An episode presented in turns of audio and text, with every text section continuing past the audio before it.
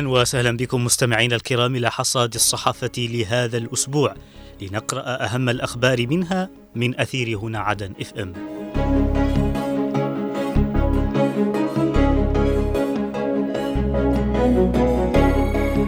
البداية من موقع المجلس الانتقالي ومنه نقرأ الرئيس الزبيدي يعزي في وفاة الإذاعي المخضرم علي السقاف.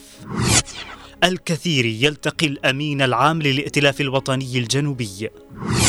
الأمانة العامة توجه القيادات المحلية بالمحافظات للتحضير لإحياء ذكرى التصالح والتسامح الجنوبي.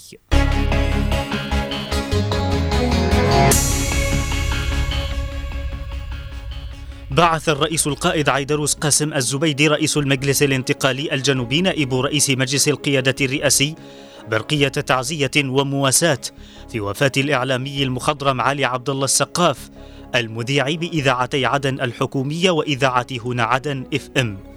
وعبر الرئيس القائد في البرقية عن خالص تعازيه وعظيم مواساته إلى أسرة وذوي الفقيد ومشاطرتهم أحزانهم في مصابهم الأليم مؤكدا أن الإعلام الجنوبي خسر برحيله واحدا من أبرز فرسانه وكوادره. الذين كرسوا جهودهم وبرامجهم الإذاعية لخدمة المجتمع ومناقشة هموم المواطنين وابتهل الرئيس الزبيدي في خلال في ختام برقيته إلى المولى العلي القدير بأن يتغمد الفقيد بواسع الرحمة والمغفرة ويسكنه فسيح جناته ويلهم أهله وذويه ومنتسبي الإعلام الجنوبي كافة الصبر والسلوان.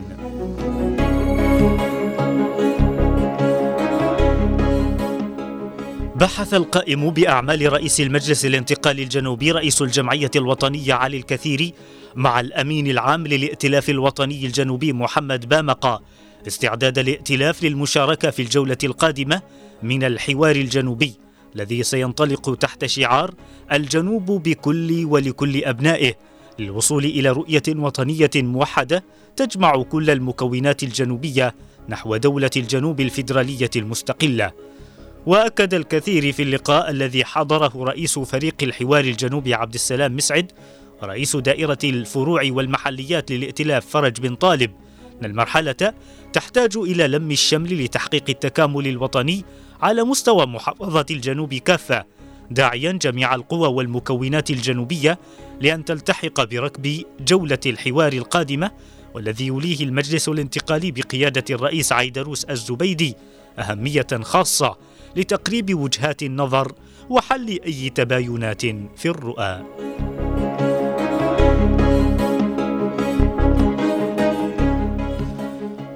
وجهت الأمانة العامة لهيئة رئاسة المجلس الانتقالي خلال اجتماعها الدوري الأربعاء برئاسة فضل الجعد الأمين العام القيادات المحلية للمجلس في كافة محافظات الجنوب بالتحضير لفعالية ذكرى التصالح والتسامح الجنوبي الذي يصادف اليوم الذكرى الثامن عشر لها تحت شعار الجنوب بكل ولكل أبنائه مهيبة إلى ضرورة المشاركة في إحياء هذه المناسبة العظيمة.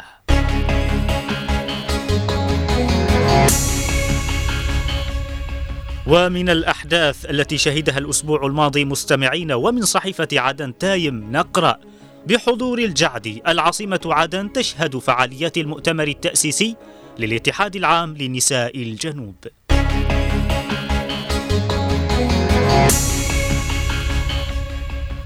شهدت العاصمة عدن السبت الماضي فعاليات المؤتمر التأسيسي للاتحاد العام لنساء الجنوب بحضور الأمين العام للأمانة العامة فضل الجعدي وعضو هيئة الرئاسة فادي باعوم وبرعاية وزير الشؤون الاجتماعية والعمل محمد الزعوري.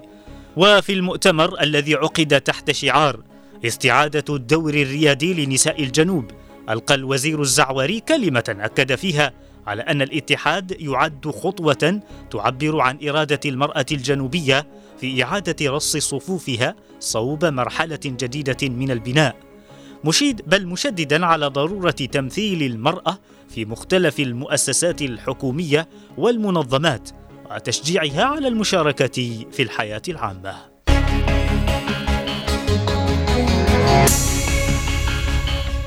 وإلى موقع درع الجنوب ومنه نقرأ تزامنا مع حلول الذكرى الثانية لتحريرها. جنوبيون يطلقون هاشتاج تحرير بيحان انتصار للجنوب. محافظ سقطرى يدشن الدورة الأولى للقوات المسلحة والأمن.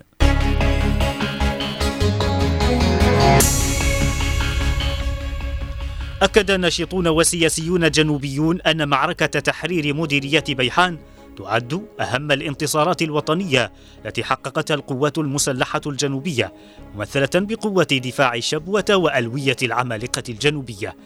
جاء ذلك خلال حملة إلكترونية أطلقها النشطاء تحت وسم تحرير بيحان انتصار للجنوب تزامنا مع الذكرى الثانية لتحرير مديرياتها التي صادفت العاشر من شهر يناير الجاري منوهين بالمكانة التي تحتلها شبوة في الجنوب ومشيدين بتضحيات أبطال قوات دفاع شبوة وألوية العمالقة في معارك التحرير.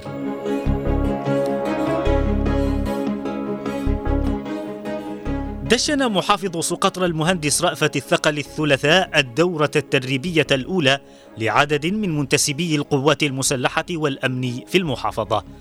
وأكد الثقل في اللقاء الذي حضره وكيل المحافظة رائد الجريبي وعدد من القيادات الأمنية والعسكرية أهمية الدورة في إعداد منتسبي القوات المسلحة والأمن بشكل جيد بما يمكنهم من القيام بواجبهم في الحفاظ على أمن واستقرار المحافظة والدفاع عن مكتسباتها بكل صلابة واقتدار. حثني المشاركين على ضرورة التحلي بالنظام والضبط والربط العسكري والاستفادة من كل الخبرات والمعارف التي تقدم لهم. مثمنا جهود وزير الدفاع الفريق ركن محسن الداعري لإشرافه على إنشاء المركز التدريبي الذي يساهم في بناء قدرات منتسبي الوحدات العسكرية والأمنية في الأرخبيل.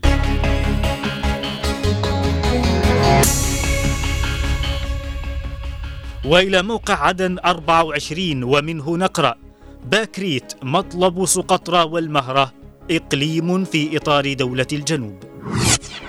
المحكمة الجزائية بالعاصمة تصدر حكما بإعدام الخلية الحوثية المتورطة في تفجير بالضالع. قائد الهبة الحضرمية الثانية أبناء حضرموت لن ينجروا خلف مخططات حزب الإصلاح.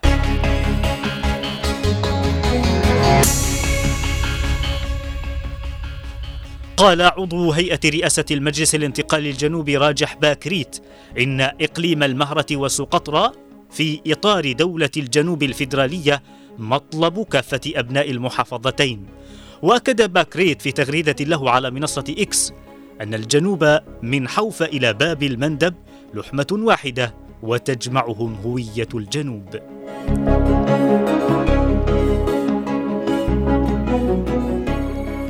أصدرت المحكمة الجزائية المتخصصة في العاصمة عدن الأربعاء حكما بإعدام عدد من المتهمين المنتمين لخلية تابعة لميليشيا الحوثي على خلفية تورطها بزرع عبوة ناسفة واستهداف قوات الجيش في محافظة الضالع. وقضى منطوق الحكم بإعدام المتهمين نصر محمد صالح وأمين قاسم سعيد وعبد الله محمد الصوفي للاشتراك بعصابة مسلحة تابعة للميليشيا وتفجير طقم تابع للواء 83 مدفعية بمدينة قعطبة متسببة بمقتل وإصابة عدد من الجنود والمواطنين الأبرياء. كما أصدرت المحكمة حكما آخر قضى بإعدام المتهمين أحمد محمد علي وعمر أحمد عمر ومحمود محمد عبده ومحفوظ عوض صالح بتهمة تفجير قنبلة أمام منزل أحد المواطنين في لحج أدت إلى مقتل أطفاله.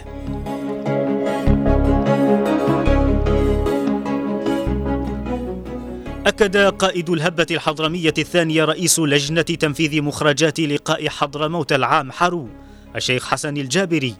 أن حضرموت وأبنائها المخلصين لن ينجروا خلف ما تخطط له قيادة حزب الإصلاح عبر ما سمته الإقليم الشرقي الهادف إلى ترسيخ الاحتلال. وأشار الجابري في تصريح صحفي إلى أن حضرموت لن تكون لقمة سائغة لتلك القوى.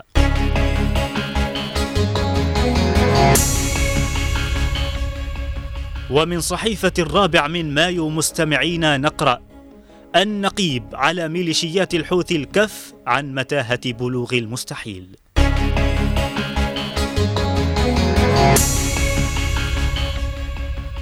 قال المتحدث الرسمي باسم القوات المسلحة الجنوبية المقدم محمد النقيب إن ميليشيات الحوثي لم تتعظ بعد من الهزائم المذلة وفرارها المهين. وحذر النقيب في منشور له على منصة إكس الميليشيا من مغبة تصعيدها على المحافظة مؤكدا أنها ستجر أذيال الهزيمة وتلقى نفس المصير الذي تجرعته قبل عامين.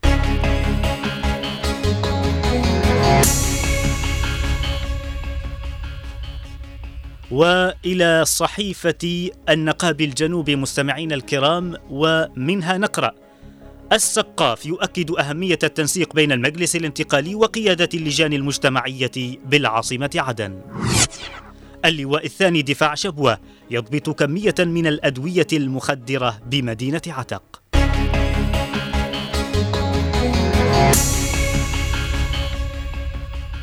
استعرض رئيس الهيئة التنفيذية لانتقال العاصمة عدن مؤمن السقاف مع رئيس اللجان المجتمعي العميد علي النمري عددا من القضايا المهمة لتعزيز التنسيق المشترك بين المجلس وقيادة اللجان في العاصمة.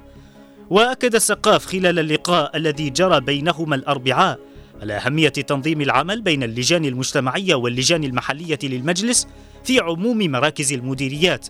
ومعالجة الاختلالات بما يعزز دورها المجتمعي في خدمة المواطنين.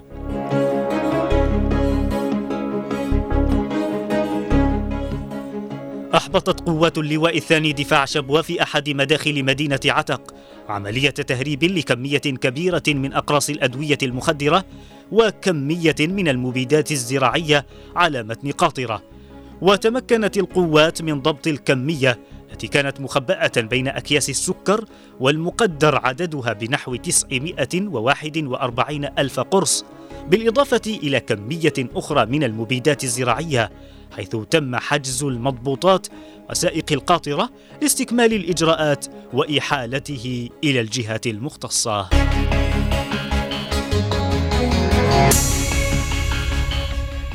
إلى هنا نصل وإياكم مستمعينا الكرام إلى نهاية هذا الحصاد الصحفي. قرأنا لكم من خلاله أهم ما تناولته الصحف والمواقع المحلية من أخبار. في الختام تقبلوا منا أطيب التحايا وفي أمان الله.